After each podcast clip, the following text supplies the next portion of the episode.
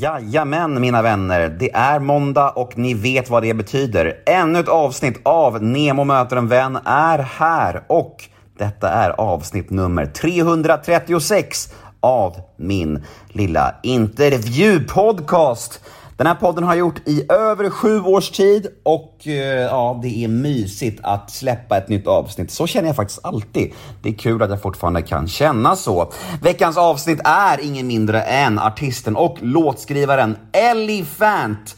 Hon är rykande aktuell med nytt material, så jag bjöd in henne till min podcast för att prata om, ja, det nya materialet, livet, karriären och allt där omkring. Och det blev faktiskt ett jävla fint samtal. Ibland känner man bara så och eh, så kände jag med Elifant eller Elinor, eller Ellie. Ja, kärt barn har många namn helt enkelt.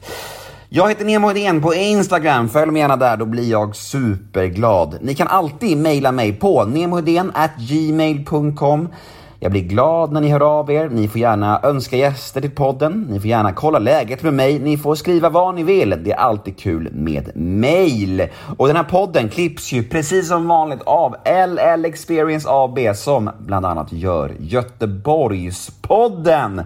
Nu tycker jag att jag ska sluta babbla. Nu drar vi igång veckans avsnitt. Plats på scen för Elephant i Nemo möter en vän avsnitt nummer 336. Men först en liten jingel. Nemo är en kändis, den största som vi har. Nu ska han snacka med en kändis och göra någon glad. Ja! Nemo, ja det är Nemo. Nemo möter en vän. Vi drar igång! Vi åker Nemo möter en vän med eh, Elinor Salome, Salome? Salomé. Salome till och med. Miranda Olofsdotter eller Elefant, Ja. Kanske vi ska säga. Ja, elefant funkar väl. Ja, eller Fast jag gillar väldigt mycket att bli kallad Elinor nu för tiden. Det kändes så främmande förut. Men nu börjar jag känna att liksom när man är mamma då får man liksom heta Elinor istället Ja. för Ellie.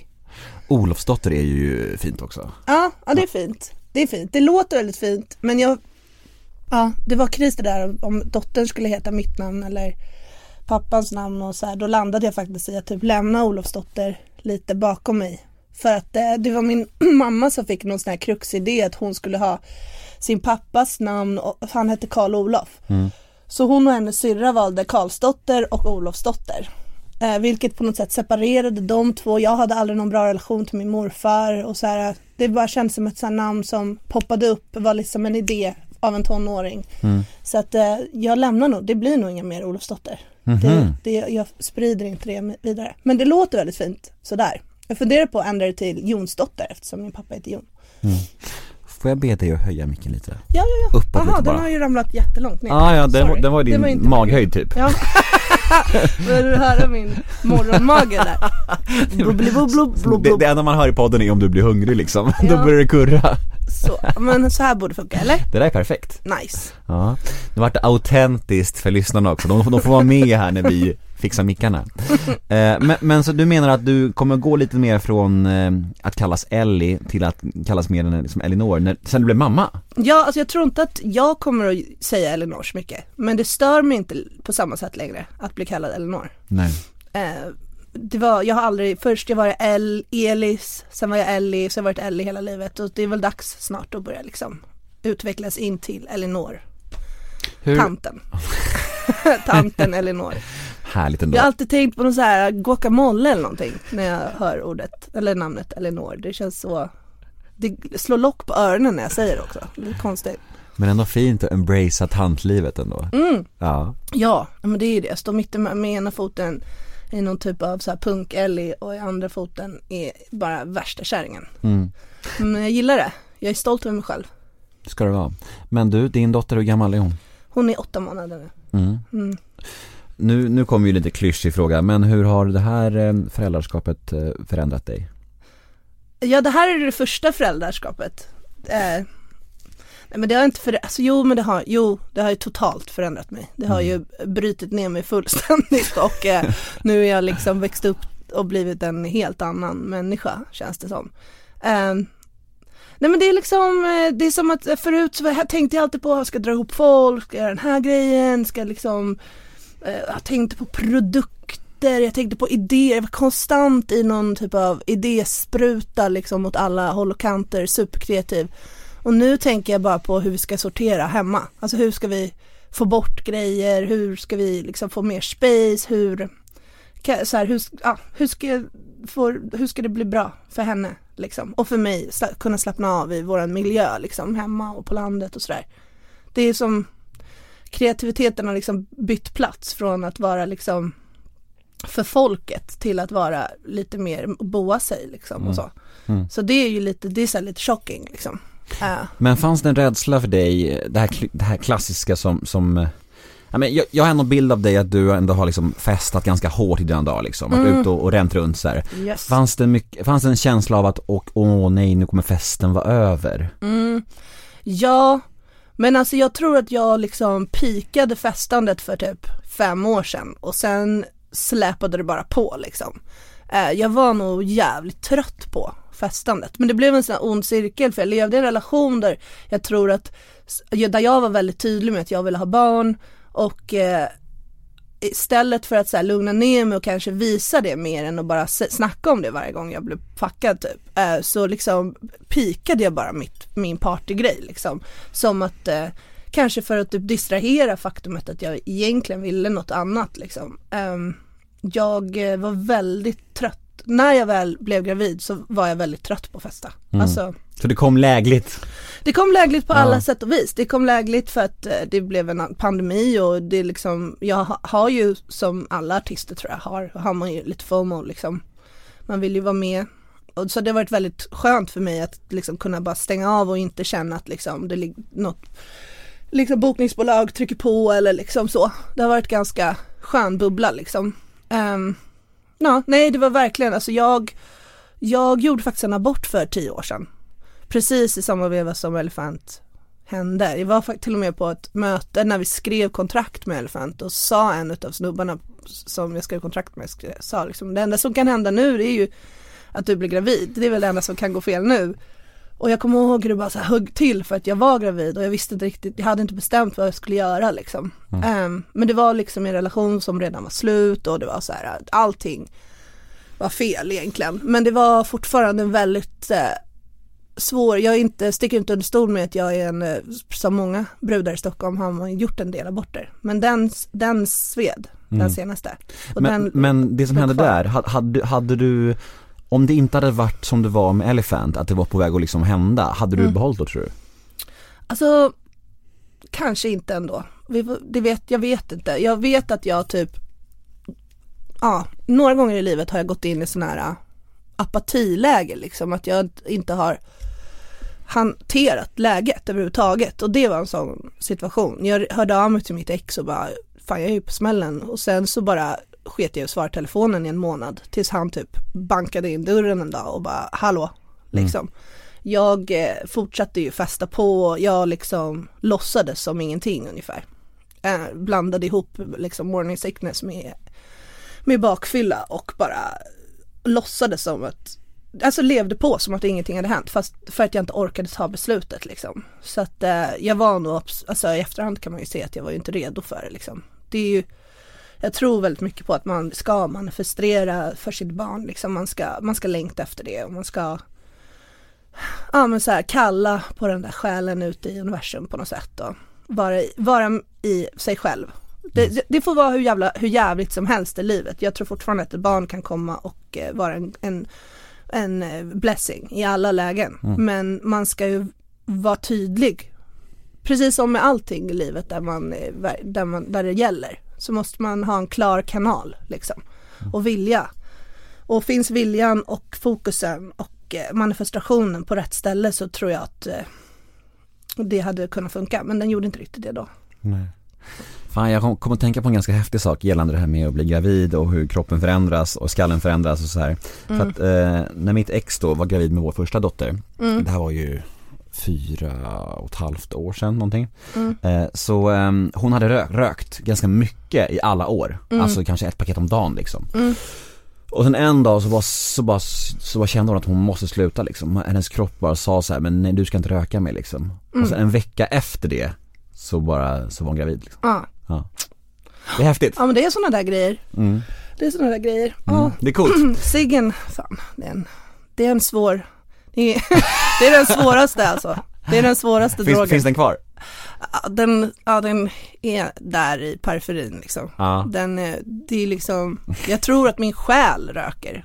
Det är så här, äh, min snubbe har liksom under hela graviditeten bara, fan har du rökt? Luktar, du luktar rök. Och jag säger, nej jag har inte rökt.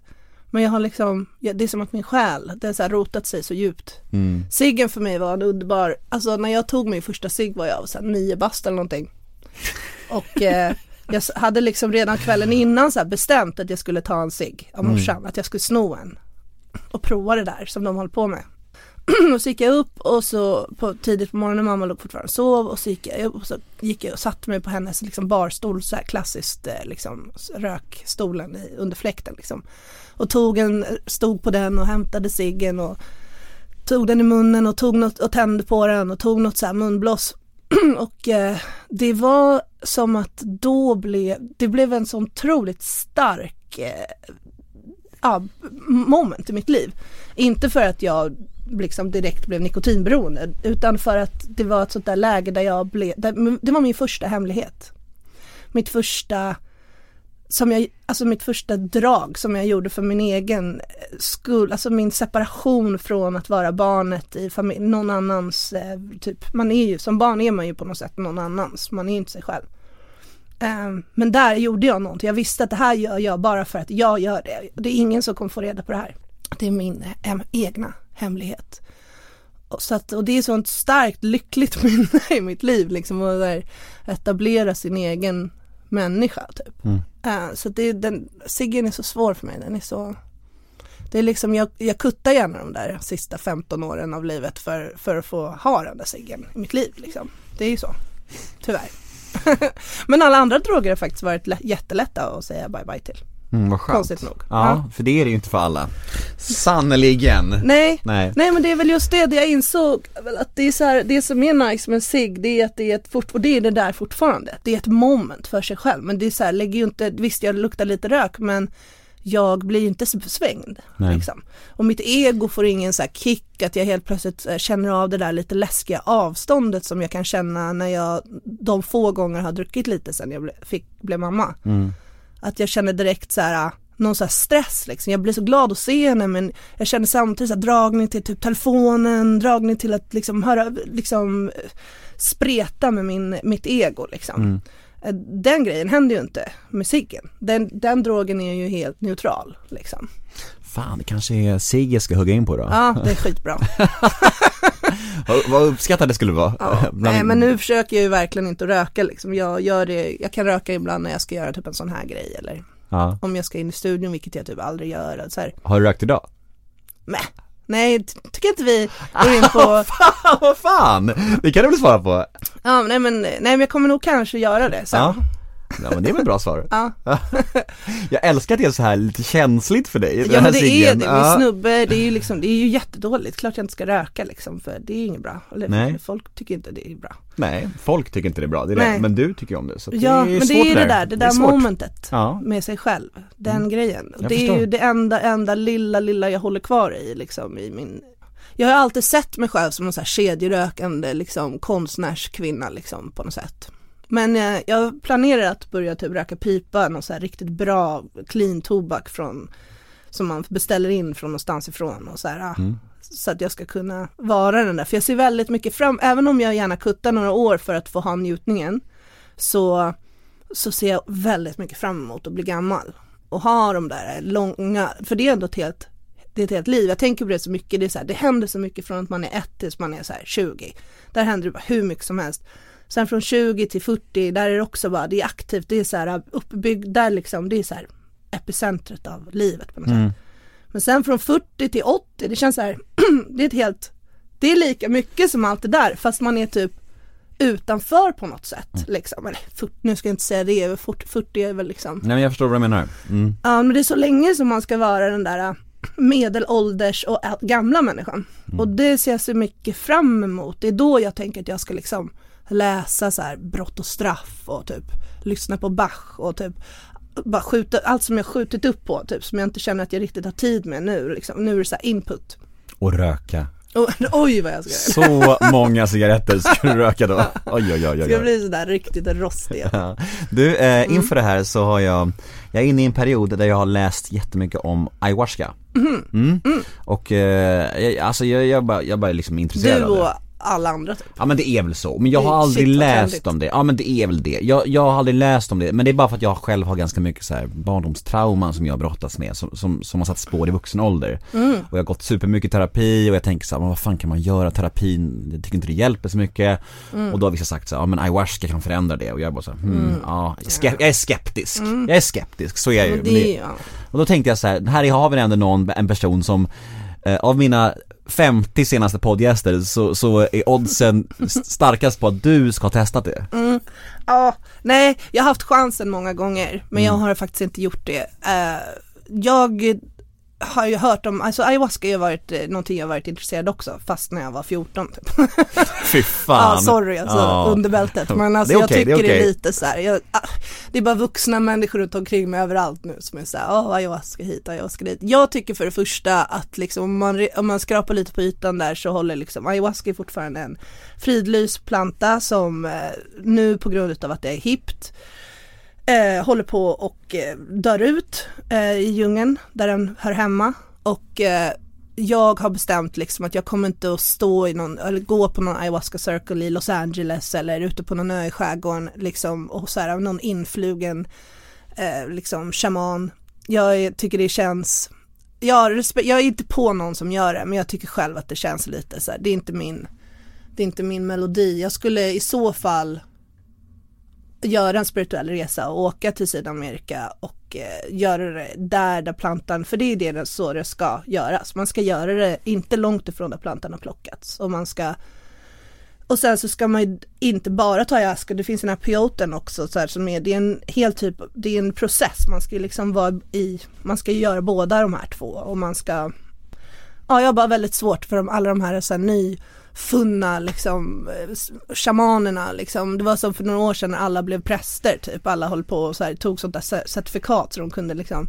Det känns lite så nu. Det är så här, alltså, Men är man, inte, är man inte automatiskt lite allergisk mot allt som eh, blir lite för hippt och trendigt? Det är väl så? Ja, jag? alltså jag är ju sån där som varit vegetarian hela livet så här, men Ja, nej men och sen är det är bara, det, jag har väldigt svårt för det här flock, flockbeteendet liksom. Jag kommer ihåg min första upplevelse av flockbeteende, det var Spice Girls och det var det var också min första ex- existentiella kris som människa där jag insåg att aha, man ska liksom man ska älska det här vare sig man gör det eller inte för att få vara med. Liksom. Det, för det blev ju en, en flockpsykos liksom. Eh, speciellt för unga tjejer. Det var ju liksom, man hade ju inga kompisar om man inte tvingade sig själv att liksom gilla Spice Girls. Eh, och jag tycker, jag vet inte, men jag tycker fortfarande att sökandet är bra. Eh, jag tror att eh, du kommer komma fram till de här grejerna genom att fortsätta tänka och inte dö, alltså dämpa din, dämp, alltså du får ju för, börja älska de där, den där, dina minnen och eh, dig själv för att du har, har varit en sån evolutionär eh, eh, liksom hjälte i ditt, dina upplevelser och ändå krigat och, och vänt, vänt på, på det liksom till något positivt. Då är man ju, då är man ju på rätt spår liksom. Det finns inget, jag tror inte, att människan blir aldrig lycklig. Det är inte det, är inte det som är poängen med att existera.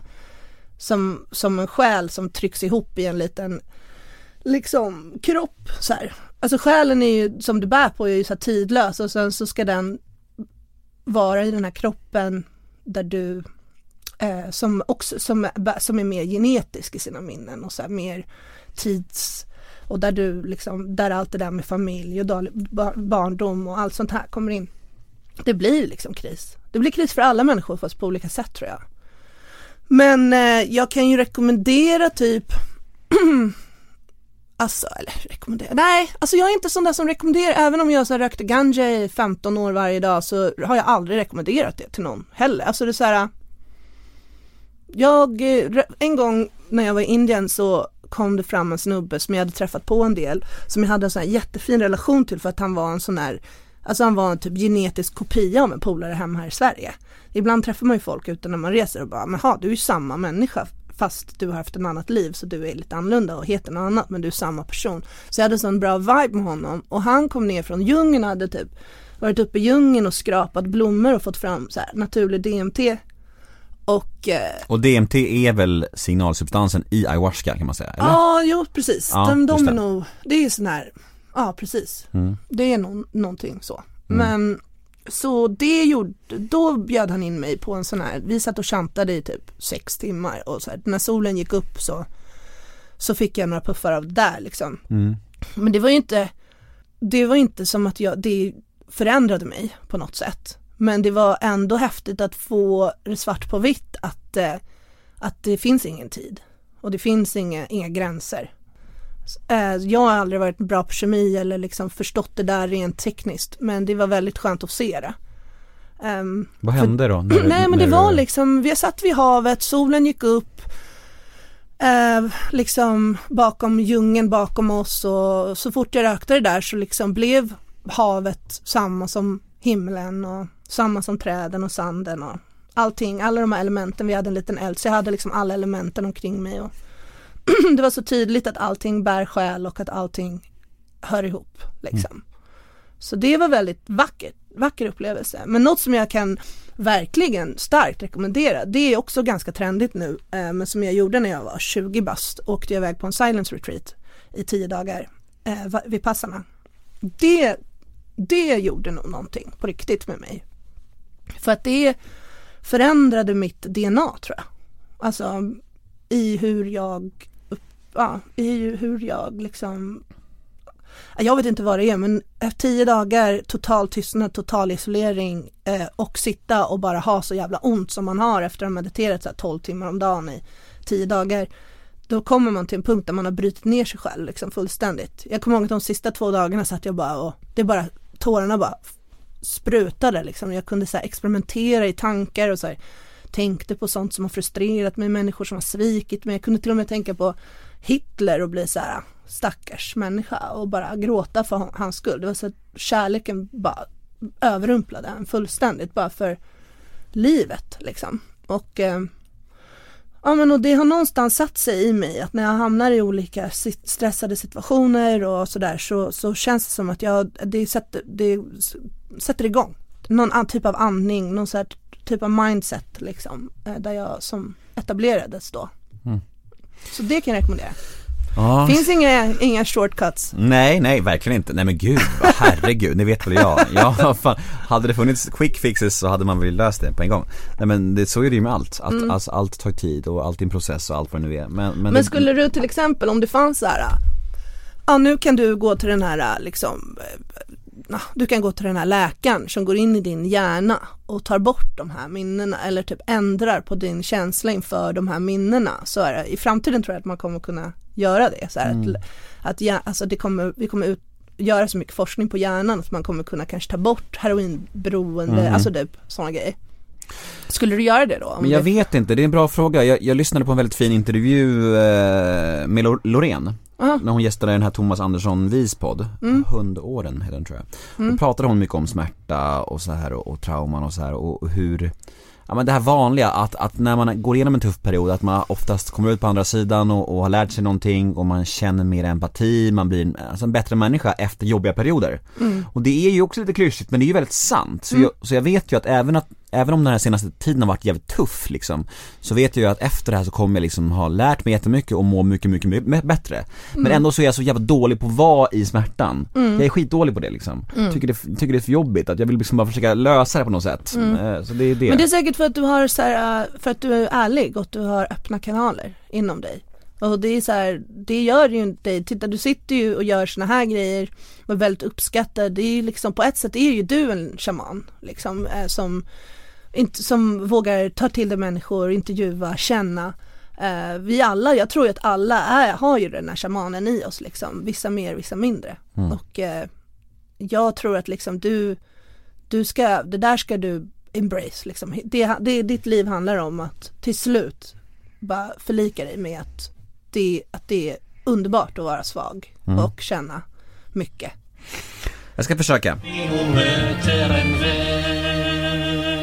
Du, eh, din PR-tjej, Ja, mm, Fanny, superfin. ja hon är fin. Hon sa så här, be Ellie berätta historien om singeln eh, Notorious. Där har du en riktigt bra underhållning. Ja, nu tyckte jag det var roligare att snacka om det här i och för sig, men Ja men det har vi gjort nu ja, vi, vi kanske ska avrunda det då. Men vi, ja. vi, vi kommer tillbaka till Nej det, men mig. den, ja men gud, det, nu har jag så här hållit på, det här är ju en så knepig grej när man håller på och släpper musik så här, att man ska typ berätta en historia med samma engagemang som att man inte redan har suttit och berättat den så Ja, 500 exakt. gånger. Men det lät ju så, när hon Jo, säger men så, ja, så ja, ja. måste man ju fråga, Ja det är det. men såklart, såklart. Okej, då ska jag komma ihåg alla namnen, för det är ju Och försök att ha inlevelse nu. Ja men nu ska det, nu jävlar. Ja, ja. Ja men jag har precis släppt en låt som heter Notorious som är lite, den skiljer sig rätt mycket från annat som Elephant har gjort. Night we met the prince, Quincy Jones and the midnight cowboy. And yeah, we were happy, the roads we drive on, we before our heroes, but can't hide our joy and our dreams were endless. We were gorgeous, we belong to the night. We're notorious.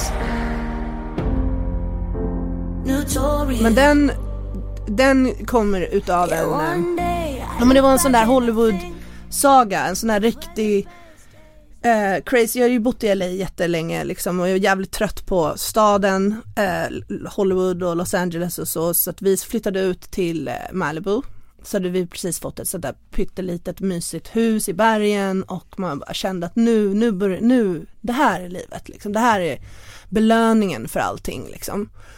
Och sen eh, så blev vi bjudna på prinsessan av Monaco som hade cocktailparty. Så då stack vi dit och där träffade jag Quincy Jones och eh, John Voight, Midnight Cowboy. Och satt mittemellan dem så här, när de satt precis så här bredvid, eh, bredvid mig och, eh, och pratade om att de liksom att deras, alla deras polare håller på och, och dör typ. och att det är ganska viktigt nu att de tar den där lunchen som de har planerat i 20 år som de aldrig gör. Och jag hade en så här jättedjup diskussion om livet och döden och där satt jag och bara njöt liksom för jag är stort fan av båda de två. Ehm, men i alla fall, och sen efter det så, eh, när vi suttit där en stund så skulle vi åka på, eh, vad heter han, Pierce Brosnans födelsedag. Snygg. Ja han är snygg, han är fortfarande snygg. Ja, jag vet. För jävligt. Ja, men sådär lite ful, alltså lite såhär för snygg du vet. Jag har ju Ja. aldrig varit särskilt attraherad av den där typen av snygghet. Men i alla fall. Nej vi drog dit och då när vi kommer dit så står liksom Bob Dylans son och lirar liksom de där låtarna som Bob aldrig sjunger på, när man går och ser honom. Men hur, men alltså om vi stoppar där bara Ja. lite, hur blir du runt så här kända människor? Men jag blir faktiskt ganska, jag är nog ingen starstruck person överhuvudtaget. Nej. Ingenting? Nej, Finns det någon som skulle kunna göra det i Starstruck? Ja men barn gör det. Jag blir, jag blir jättenervös kring barn. Ja men jag blir, där känner jag att nu, det finns inte någon mask jag kan dra på mig framför barnen Nej. liksom. Ehm, ja, alltså jag skulle nog bli väldigt starstruck om jag fick träffa eh, David Attenborough. Mm. Eller, eh, ja men Alltså Carl Johan Wallgren, eh, vad heter han, eh, John eh, Aj- Ajvide, han som Nej, är det så, sant? Ja, sådana Ja. där lirare. Jävligt udda namn du drar alltså ja, ändå. då, ja. där skulle jag nog bli väldigt så här. ja. Mm. Men jag har ändå haft turen att hänga med ganska mycket stora, alltså det har varit väldigt kul och det har varit väldigt lärorikt just i att förstå att alla är människor med man känner ju det så fort man är i rummet med de här stora hjältarna. De är ju människor som vem som helst och eh, nervösa och eh, själv, liksom, dålig självkänsla och så där liksom. Um, ah, ja, men då var vi i alla fall där i Pierce Brosnans liksom jävla Hawaii liksom hus. Och eh, och då kom, Mike- så gick jag på toa och så skulle jag gå ut från toan och då kom Michael Madsen eh, och bara Hey woman.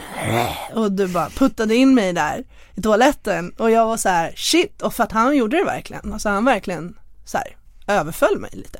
Men då kom liksom James Bond där och bara What you doing? Och så här, räddade mig liksom.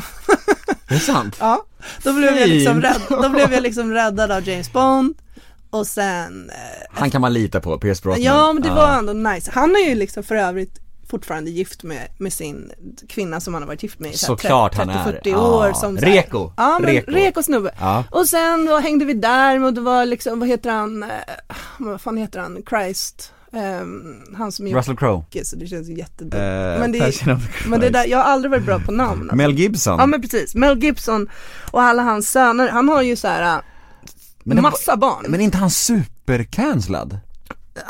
Han, alltså, så, människor som han blir aldrig det riktigt. Nej. Fast han, han spöar väl på sin tjej, var det inte så? Han, han var ju alkoholist liksom, men Ah, han har ju varit Mhm. nykter nu länge. Så har det? Sånt där blir man ju liksom förlåten för. Om man Ja. bara är så här, det är som Mikael Persbrandt, det är ju bara att skriva en bok, sen är det lugnt. Liksom.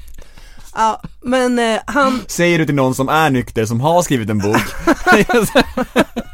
ja, ja, ja. Mm. ja, nej men då, han, har ju så här äh, massa söner Mm. som ser exakt ut som honom, fast med så här äh, som, fast det blir lite så här Simpson över det hela. För de, någon har så lite konstigt överbett och någon är så här lite, du vet, de är, ingen är lika snygg som han men alla ser typ ut som han. Satt och hängde med dem De har fått typ bonfire. en kroppsdel var. Ja, men- En har fått hakan, en har fått håret. Precis, ja. men alla har hans färger och liksom, Ja, de är så jävla lika fast ändå inte. Ja men så jag satt med dem och så här härvade hela natten typ. Och sen dagen efter så var jag skitbakis och var nere och handlade på på 76 petrol station och då träffar jag min hjälte Neil Young äh, där nere och hans äh, Donna. Och äh, stod och pratade en lång stund och hade en sån här riktigt skönt moment med Neil Young. Och det är det liksom låten handlar om. Jag har fått in alla de där namnen. Typ. Alla Fan, förutom Pierce Brosnan alltså. är inte med i låten tyvärr. Men all, det, Och han var, egentligen, han var egentligen den finaste. Ja, han var nej, Neil Young var den finaste. Alltså han var verkligen den finaste. Det är sånt där moment, jag kommer aldrig glömma det liksom. Nej. Ja, så det är en sån där riktig, så, här, så kan det vara i Hollywood liksom, när man är där. Det är ju fantastiskt. Men det kan också Ja, vara jag så tycker jävla ändå, piss. jag tycker ändå att du kunde berätta historien eh, på ett bra sätt. Ja. Du fick till inlevelsen. Bra jag? jobbat Ellie, bra. Tyckte det var lite styltigt men alright. Ja, det är okej. Tre Okej. plus, tre plus. Hon möter en Ja. Du, vi ska gå vidare med en liten lek som jag kallar associationsleken. Alright, Mm? Är du med? ja det är bra. Då kör vi! kör. Associationsleken med Elefant. Alexander Kronlund. Ja, men han heter Alex Elcykel Babaji på min telefon. för, för en av de första gångerna vi hängde tillsammans så, så hade han en elcykel som han cyklade runt på i Hollywood. Så vi möttes på en klubb så hade han elcykeln utanför. Jag dyngrak tog den där, cyklade runt i ett garage och tills jag kraschade såklart. Gjorde illa mig jättemycket. Eh, hade några fantastiska kvällar med honom när han var bosatt i LA. Jätteskönt, kände att vi kom nära varandra, kände att han faktiskt verkligen förstod mitt artisteri. Har hållit kontakten sedan dess, försökt göra musik men vi är alldeles för mycket att snacka om, alltså det blir bara ingenting gjort varje gång vi ska göra något. Eh, det är nog mer en vän än en, än en musikkollega liksom. Ehm, ja men fin liksom. Det finns vissa saker som jag inte tänker kommer gå in på. Mm, det- det- det, är bara så här, psh, psh, det går upp jävligt för Han är ju rolig liksom, han är ju lite stökig också. Får man säga. Ja. Eh, vet du om att jag känner honom ganska väl? Ja, just det. Det kan jag ju säga också för att eh, han skickade till mig. Han bara, du borde ju gå och träffa eh, Nemos och gå på hans podd. Mm. Var det är redan fixat. Mm. Ja. För jag pratade med honom om det här, inför Mhm. det här, för jag sa så här, ja men eh, att vi skulle ses eventuellt och, då var han så här, men det är, det är svinbra att ni ses. Ni kommer ha skitkul och, och, och hon är fantastisk och vi är goda vänner och, och hon är en av dem som jag verkligen har liksom fastnat för så här, han öste bara fina ord över dig liksom. Mm. Ja, han är verkligen nice. Ja men det är så kul när du säger så här. det finns saker som eh, jag vill säga om det som jag inte kan säga och så sitter jag bara, jag vet allt. här, det finns saker jag vill säga om Kronlund också som jag inte kan säga. men Nej, men han är underbar. han är helt fantastisk och, Ja. och eh, all kärlek till honom. Han är nog lite sådär connectad också. Även om han kanske inte är så, han har nog inte kanske riktigt den där känsliga öppna kanalen som du har. Men han är väl, han ser saker. Mm. Han, han har en så här helande effekt på människor och han, ja han är nog lite, Han verkligen, och, han, och folk mår väldigt bra av honom. Han är Mm. väldigt så här, han är ju väldigt fin och glad och snäll mot människor och folk tycker, liksom, tycker om honom instinktivt. Mm. Och sen är han ju också, väldigt skör och, och extremt självreflekterande, nästan Mm. på ett maniskt sätt. Att han liksom så här. Jag märkte det när vi poddade, för det var så vi lärde, lärde känna varandra. Mhm. Han gästade den här podden för två, tre år sedan och så Mm. blev vi kompisar efter det. Då var han väldigt så här, att var, allt han sa gick han tillbaka till och liksom var så här, men det där som jag sa förut, det där tänkte jag, det där, det där, det där, det där, det där. Och blev så här, nästan lite ängslig kring det liksom. Eh, och, och det är jättebra att vara självreflekterande, det är också, men när man blir det för mycket då blir det, kan det bli en last också. Man kommer ingenstans liksom. Ja, men jag tycker också det är väldigt viktigt eh, med människor. Det jag tycker det är ganska ovanligt nu för tiden att träffa folk som vågar tänka på saker eller vågar prata om saker från olika synvinklar. För, att, för i min värld så är det väldigt ofta så. Det är så här, ja, jag kan säga någonting och sen så säger någon, ja men så där känner inte jag, då kan jag, ah okej, ja så kan det också vara. Alltså det är väldigt viktigt att förstå att det finns olika perspektiv på allt liksom. Nej, nyans. Livet är inte politik. Nej, nyans, viktigt. Ja, får man säga. Framförallt i ett samhälle där allt blir mer och mer svart och vitt. Tråkigt. Eh, nästa ord då? nästa ord är intervjuer. Det, jag gillar det. Jag tror att det är för att jag aldrig har gått hos en, jag har ju aldrig gått terapi eller Det sådär. är otroligt ändå. alltså, Så att jag, för, för mig blir det så här, jag tycker alltid att jag så här, mår lite bra efter en intervju liksom. Om jag inte har typ gjort bort mig fullständigt och supit ner mig och bara varit för jävlig liksom, det har ju hänt också. Men om jag har varit klar i knoppen och känt att jag så här verkligen blev sedd och eh, ja men det är så, jag kan, alltså jag tror att jag är en så här person som som lever väldigt mycket, alltså när jag bara är i min egen bubbla så, så känns det inte som att jag har gjort någonting överhuvudtaget. Men så, och varit med om någonting heller. Men så fort jag är i reflektion med en annan person så, så, börjar, jag, så börjar grejer hända och liksom jag börjar, jag får liksom på något konstigt sätt så här självkärlek. Typ. Jag tycker om mig själv. Jag säger, ja, det där har jag varit med om och det var jobbigt och det har jag gjort. Och så. Jag, tycker det, det är, jag tycker jättemycket om intervjuer. Mycket mer än att liksom nu ska jag göra TV4 morgon, så jag ser skitmycket fram emot att sitta och snacka i TV4 men jag ser inte så mycket fram emot att sjunga en låt. är det sant? Ja, det är, så är det faktiskt. Och det är väl för att jag egentligen inte är musiker liksom. Jag har inte, jag tror det är därför det, det går också, det, det är därför det har gått skitbra för Elephant.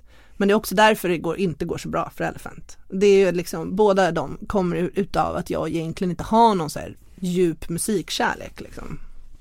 Jag sjunger aldrig liksom i mitt vardagliga liv liksom. Nu har jag sjungit lite så här för dottern, hon ska sova och så. Men eh, det är liksom, jag är ingen så här duschsjungare eller liksom, nej. Det var för mig nog bara något som jag ville över, överkomma. Men jag är fortfarande inte så här overcome, att vara nervös och stressad av att stå i studion eller eller att sjunga live liksom. Utan jag är fortfarande, tycker fortfarande det är lika jobbigt typ. Och jag har ingen direkt röstkontroll. Jag har aldrig gått musikskola, alltså jag har aldrig gjort, jag har aldrig hållit på med musik. Tills jag råkade bli popstjärna typ. Så därför så, så har jag nog inte, men däremot har jag alltid gillat att sitta och analysera och prata och tycka och tänka. Jag har nog fått ganska mycket fans genom intervjuer faktiskt. Eh, mer än musiken. Sen börjar folk tycker det är intressant intervju så lyssnar de och då kan de typ hitta en dimension i musiken. Så. Fan det är ju väldigt uppiggande med en artist som säger, ja men jag är nog bättre på intervjuer än på att vara artist. Mm, jag är ju väldigt mycket bättre på att vara artist än på att vara, eh, sjunga och så. Ja. Ja, men, men bara här, bara, bara, bara här att du tycker det är roligare med intervjuer än att stå på scenen. Det har jag aldrig hört förut. Nej. det är ju roligt. Ja, nej men det är det. Så ska det ju inte vara. Man ska ju vara så här. man ska gå upp på scenen och bara leverera du vet stans jävla grej och så ska man ju sitta och vara klurig i soffan och inte säga Exakt, någonting. och bara säga så här, ja men jag vill inte göra det här egentligen, jag vill bara stå på scen, jag vill bara skapa. Ja. Man bara, åh, nej, säg som Ellie istället, du vill bara prata. Det är mycket roligare. Ja. Ja, nästa ord då. Är du med? Mhm, Ångest. ja, det har man ju. Det är ju ens eh, bästa kompis tänkte jag säga. Den hänger man ju med mycket. Ja gud, jag har så mycket ångest i mitt liv hela tiden. Men jag är ganska säker på att den, den är viktig liksom. Jag skulle aldrig vilja ta bort den med någon, miss, alltså med eh, någon så här, eller jag har ju missbrukat bort den väldigt mycket. Eh, men det känns mer konstnärligt än att typ medicinera bort den på något sätt. Jag, jag tycker det är nice när man har så här eh, existentiell ångest. Jag tycker det är tråkigt att ha städångest. Eller så här, det är stökigt ångesten. Så känner jag väldigt mycket nu. Den är jättetråkig, den är helt oinspirerad. Det går inte att göra något utav den ångesten. Den är bara så här tråkig. Men att ha ångest över, eh, ja, över att vara människa och vara den här, ja men så här, det är synd om människan ångesten. Den tycker jag är väldigt så här, inspirerande och, och magisk faktiskt. Intressant nog så har man några bra vänner och så här, jag har väldigt bra relation till min farsa och så här, man kan bli av med den där ångesten och göra ganska snabbt utveck alltså veckla ut den till ett, någonting nice. Om man bara har rätt, rätta hjälpmedel som ofta är människor för mig. Eller, eller göra någonting, skriva en låt eller måla en tavla. Uppväxt. Ja den håller jag ju på med fortfarande, uppväxten. Man växer ju hela tiden. Ehm, ja, nej men jag hade det skittufft som när jag var liten liksom. Um, jag har varit väldigt eh, det var inte, jag fattade inte hur, att det var så svårt när jag var liten men det blev svårt i när jag skulle bli vuxen. För då fattade, då insåg jag att jag inte har koll på hur man är som en vuxen person. Jag har bara ett sånt där per, eh, titta in genom fönstret perspektiv på vuxenvärlden eh, så, att jag, så att den är som en teater för mig. Jag försöker nu liksom bli, bli ett med det där och bli den där, de, den, där alltså den där mamman som jag har sett eh, genom fönstret. Liksom. Som jag tyckte var en perfekt mamma, en bra mamma. Eh, men, men det är inget som jag liksom genuint har fått lära mig genom min egen uppväxt. Att vara en bra förälder. Eller en liksom bra vän för, det, för den delen. Så här. Och det är inte för att min, min pappa var ju ganska frånvarande och det har alltid varit stök. Liksom. Och då, då, är, då, då ligger det där på hyllan lite grann. Liksom. Det där att eh, barn, jag vill inte gå in för mycket på det men Ja nej barndomen var ju, men nej men varför ska jag, det är också så här, varför ska jag säga det? Alltså så här också, helt ärligt, det var typ, jag älskade att vara barn. Alltså det var underbart att vara ett barn. Och det var jättespännande att bli en tonåring. Och eh, det var stökigt som fan, verkligen. Men jag känner nu att det var också så mycket gott som kom ur det. Eh, som har gjort mig till den människa jag är och min syster till den människa hon är. Jag eh, var ett väldigt lekande barn. Ja, vi hade inte så mycket stimulans från hemmet så att vi stimulerade oss själva. Så att liksom, jag är ju verkligen, det var ju liksom, man gick upp, man tryckte i sig lite cornflakes och sen var man ute och cyklade och käkade myror och var in, i, liksom rotade runt i containrar och var nere i liksom, eh, ja men så här, nere, jag hängde jättemycket i Lugnet och sådär när jag var liten och så var nere och stökade nere i Hammarbyhamnen och så här jävligt busig, busigt barn liksom. Och det tycker jag man ser alldeles för lite av idag. Barn som är ute och busar och sådär. Jag hade en väldigt stimulerande, rolig barndom. Det handlade om att tjäna pengar hela tiden. Så här, man måste ha pengar till vattenpistoler, måste ha pengar till grejer och man lyckades ju med det också. Det var så, Drifta. Ja, väldigt, jag liksom började sälja grejer tidigt så här. Brukade göra, gå in i grosuprummet och hämta glasburkar och tvätta dem rena och så skapa små världar i glasburkar som vi satt ute på Katarina Bangata och sålde till folk och brukade glida in på pubbarna och sjunga, sjunga låtar och tjäna pengar och typ brukade ställa oss i buskarna i fullgubbarna i Lilla Bläckan och typ ta, ta betalt för att de skulle pissa i buskarna liksom såna här grejer. Väldigt så här kreativt, rolig barndom. Nästa ord är ADD. Ja. ja, men en sån diagnos har man ju fått. Jag fick den i samma veva som jag gjorde en dyslexiutredning när jag var 19 bast. Så att jag hade ju liksom redan, allt hade ju redan gått åt helvete i skolan och sådär. Men jag tänkte att ifall jag skulle vilja gå tillbaka till plugget någon gång, det skulle vara bra att ha den där. Eh, Så, och när vi gjorde den så insåg hon att ja, då, då drog vi en ADD-utredning också samtidigt. Eh, och det har ju blivit också trendigt tänkte jag säga. Att ha det liksom. Vem har, jag har aldrig trott på det där riktigt. Eh, jag växte upp med, när mamma hade en väldigt god vän som, som styr, forskade på det här tidigt. Och hon forskade på något som heter skuggsyndrom. Liksom. Eh, som handlar mer om, alltså att det finns ganska, det finns diagnoser. Men att det finns också att man kan ha skuggor av de här diagnoserna. Och då var s- kanske inte ADD ut, alltså det kanske inte var liksom myntat än riktigt. Men liksom att vi alla har, är lite knepiga på olika sätt. Jag tycker att det är svårt och så här, jag tycker inte man kan säga att ADD-folk är på ett sätt. Så jag har träffat så många olika människor med diagnosen ADD som har sådana otro, otroligt olika svårigheter. Um, jag tror att, jag är ganska säker på att det är så här, liksom hela medicinsamhället, alltså det finns så jävla mycket pengar att tjäna i folks ohälsa, eh, psykisk ohälsa. Så eh, ja. Det var, det var skönt att få en diagnos på det bara för att ifall jag skulle vilja plugga igen så kanske jag kan få lite mer stöd, lite mer eh, överseende med vissa grejer. Men jag har aldrig övervägt att medicinera mig eller så för de här grejerna. Nästa ord är Skrillex. Mm, baby, Sunny. Ja, han är en god vän som eh, ringer mitt i natten på Facetime jämt. Eh, när han ringer så här. Man måste ju svara, det är ju Skrillex. Så än, än idag? Ja, ganska nyligen ringde han, mitt i natten. Han sa det, hallå jag bor i Sverige, kan du säga jag har, fått, jag har precis fått barn, kan du säga, sluta ringa mitt i natten? Men eh, man blir ju glad när han ringer, så det är bara att svara. Han är så himla fin person. Han är så jävla skön.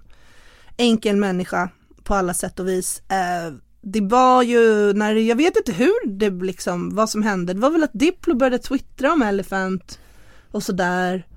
Och sen åkte vi ner och så hade jag lite möten och typ, sen åkte jag hem igen men jag hade en väldigt stökig period. Så låg jag i sängen och vaknade av att det ringde och bara så här, hade en askkopp i sängen som jag så här, revs ner, allting var bara kaos. Och så var det han Deadmau5 som ringde. Och bara hello this is run run run Deadmau5 no, so just want to talk about make some music typ. Och jag så här, alltså jag är så jävla bakfull, jag får ringa upp dig. Så här. och så ringde det direkt igen eh, när jag hade lagt på. Så jag svarade igen, trodde han hade liksom pocket. Hallå, så här. Hi, this is Sunny, Skrillex. Och då, han visste, för jag visste inte vem Deadmau5 var. Men jag visste vem Skrillex var, för min Tommy Tysper som var min älskling, eh, han älskade Skrillex och hade visat. Så då var jag så ja men det är lika bra att gå upp, liksom, håller ju på och ringer folk.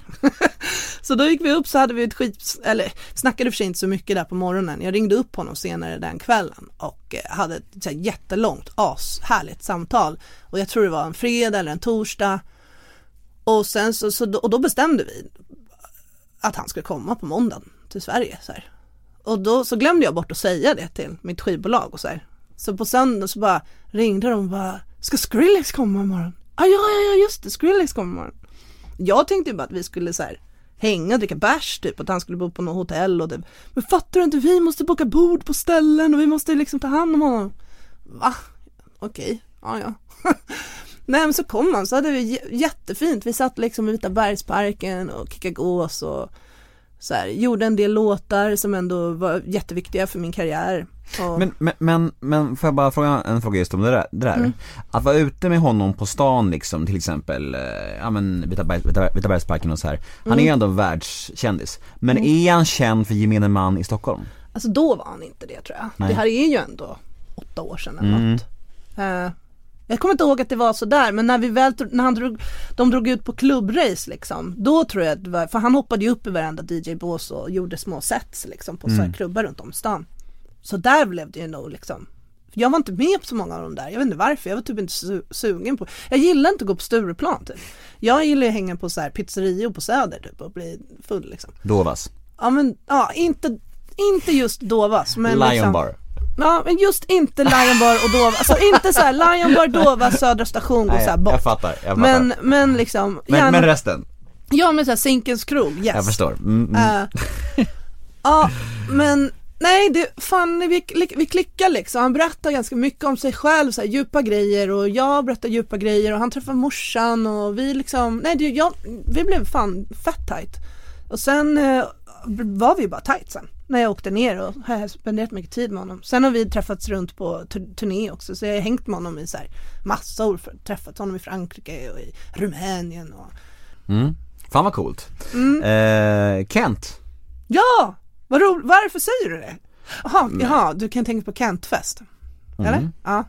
Mm, varför, varför, varför undrar du varför jag säger det? ja, för det är så här jätteroligt. Ja, men det var, jag kom, alltså Kent, det är ju så här, det är ju också en så här flockpsykos liksom.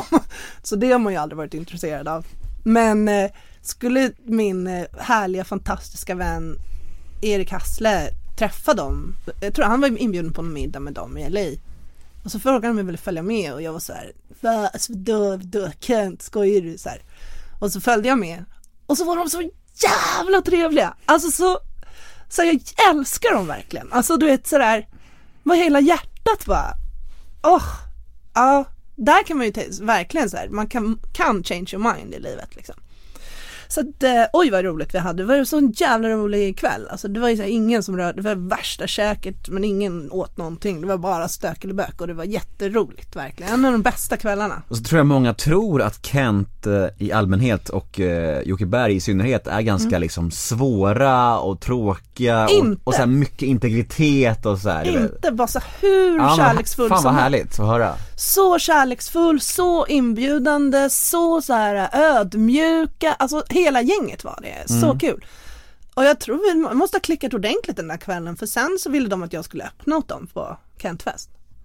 Det var ju jävligt kul, det var ju så här hela liksom kändis-Sverige som lirade och så fick jag så här öppna för dem. Men eftersom det blev ju lite kontraster, det är ju inte som att Kent, alltså flock, flock, eh, liksom flock, Kent-flocken är inte särskilt intresserad av Elephant. Så det blev ju lite dålig stämning på scenen har jag för mig. Jag var nog rätt, stö- jag var rätt stökig också, jag hade varit ute kvällen innan och bara härvat och bara Men eh, det där får man ju leva med. ja, nej väldigt roligt, väldigt fina och jag längtar efter dem. Jag hoppas att vi kan ses igen snart. Jag saknar dem, även om man har bara haft några kvällar ihop liksom. Är du en eh, enkel människa att klicka med tror du? För det känns som att alla namnen vi säger säger du, jag klickade så bra med dem och det, är, Ja. och det, är, och det är superhärligt, det är inget negativt. Det var bara så här, det är bara grymt ju. Men är du kanske, Ja, men jag tror så här 80% klickar med mig, 20% klickar inte alls. nej okej, mm, mm, fan vad coolt. Det är ju en skitbra egenskap, alltså på riktigt. Jag tycker Eh. om folk, jag tycker det är väldigt spännande Ja du tycker om folk att prata mer än att sjunga. Ja, det är ju så. Jag älskar det, det är det bästa jag någonsin har hört. eh, är du med på nästa? Ja. Pluras kök. Mm. Där var du full. Ja, där var jag ju jättefull. Det var Ja. Plura också. Det var kul. Ja men han är alltid full. Ja, men jag är också alltid full. Inte längre. Inte längre. Nej, du men, var alltid full. Ja. Men gud, det var jätte, jätteroligt. Det var nog den roligaste, eller det var kul att vara med Parneviks familjen också, sådär tv-grejen. Men för dem, det blev också sådär vänner liksom. Nej, Plura, fan det var jättekul. Och så var det så jävla vackert där i Italien.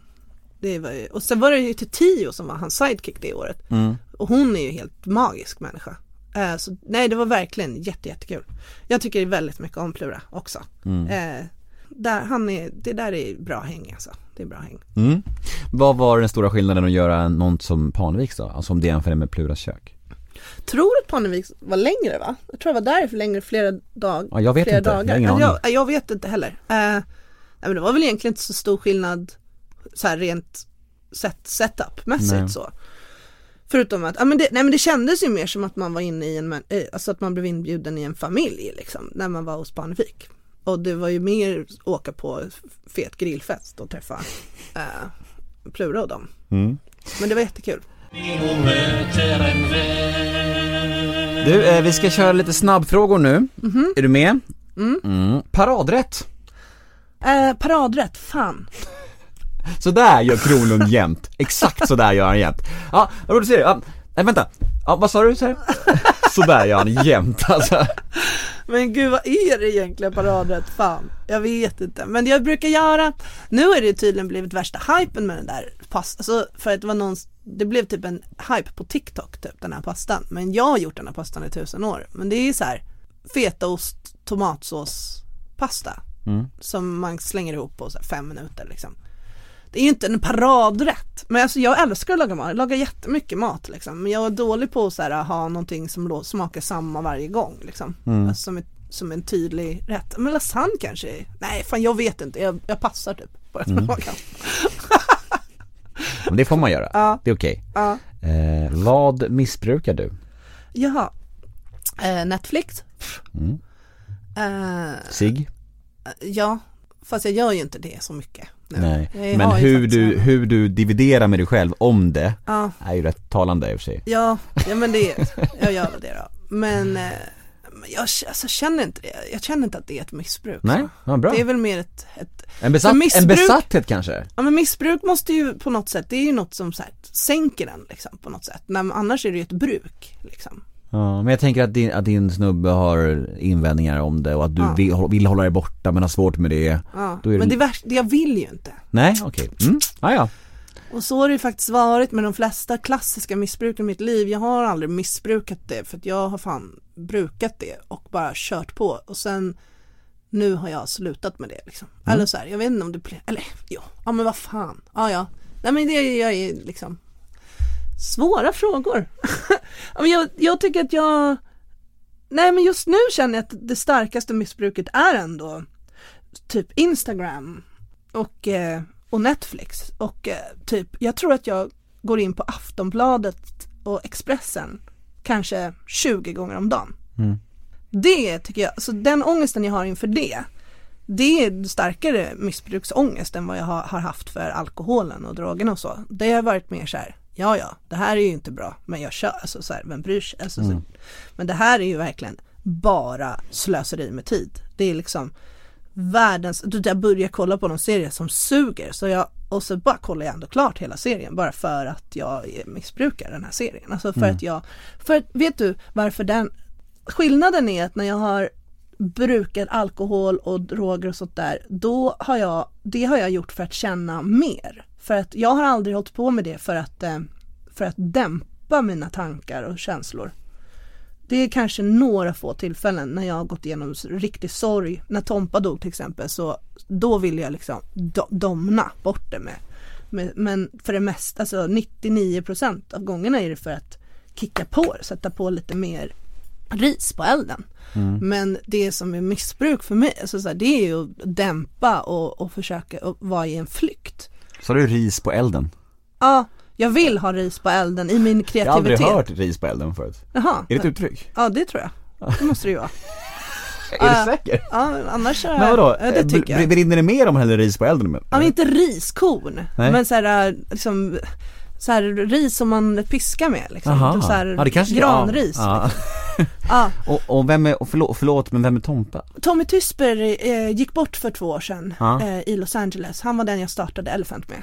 Okej, det borde jag veta kanske. Mm, ja. Men ja, nej han, han var, han var, det var ju genom honom jag träffade Alex. Okej, Han ja. var en väldigt så, etablerad, älskvärd, underbar människa som inte orkade mer. Jag Och, fattar. eh, då kommer jag ihåg att då var det verkligen ett dämpande. Då var det så här, gud det här, jag klarar inte av att känna så här mycket. Jag måste dränka det här liksom. Mm. Men, eh, men för det mesta så är det ju så här, åh hur ska jag, nu vill jag höra den här låten jag precis har gjort mer. Nu tar jag tre bärs och lyssnar på den en Mm. gång till. Eller jag, nu vill jag att den här feta lasagnen jag har lagat ska smaka riktigt gott. Nu röker jag en spliff. Alltså det handlar ju mer, så har det varit mer för mig. Men det här att konstant vara inne på social media och konstant, det är liksom, det gör, det, det gör ingenting för mig. Det bara distraherar min vardag. Liksom. Och jag tror att jag även har börjat missbruka eh, Förut var det poddar men nu har jag laddat ner så att jag kan lyssna på böcker.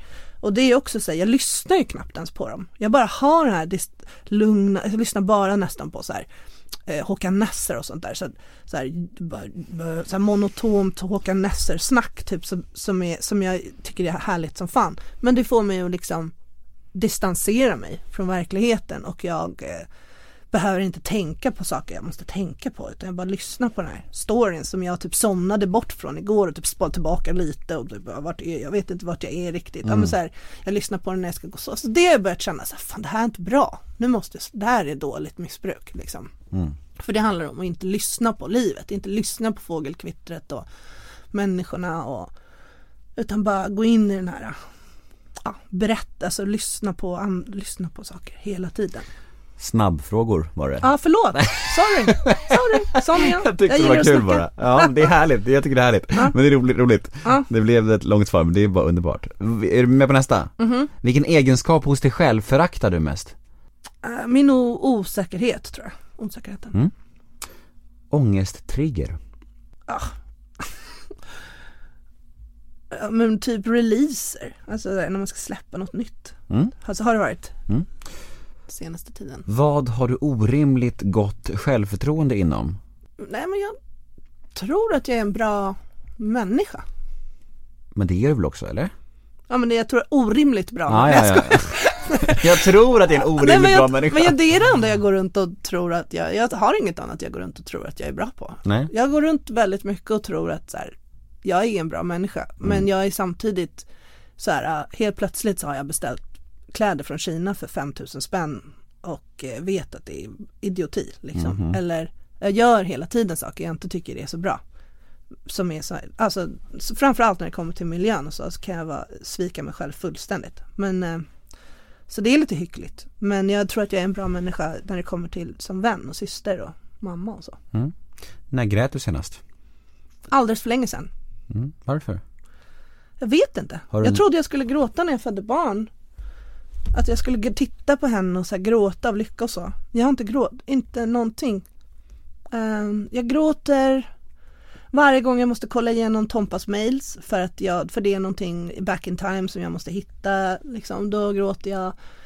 Det finns, eh, nu i och med att jag har släppt musik nu så har jag liksom varit tvungen att gå tillbaka i flera grejer som har med honom att göra. Så då väcks grejer så här, till liv och jag måste kolla igenom gamla liksom, ja, men, mobiler och sånt för att liksom hitta bilder och, och då dyker det upp så mycket. Så då, då, då bryter jag, det, jag bryter fortfarande ihop flera, flera, flera gånger i månaden.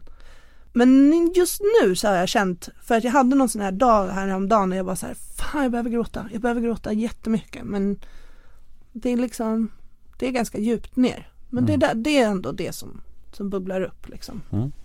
Vad lägger du orimligt eh, mycket pengar på? Jag lägger inte pengar på någon, alltså barn, barnvagnen, fan vad dyr den var. Var det en bugaboo? Ja, Ja, fy orimlig, fan. varenda lilla detalj bara, det var orimligt Gud. faktiskt. Och sen så bara, ha två månader senare så här, funkar inte den här längre, nu måste vi byta ut den här delen. Mm, det är idiotiskt. Ja, Mm. Vad tror du andra människor tänker på när de tänker på dig? men så här 50% tänker nog härligt, 50% tänker störigt. Mm. Vad kommer du aldrig förstå dig på att andra människor tycker om? Ja men så här popmusik som jag själv gör nu.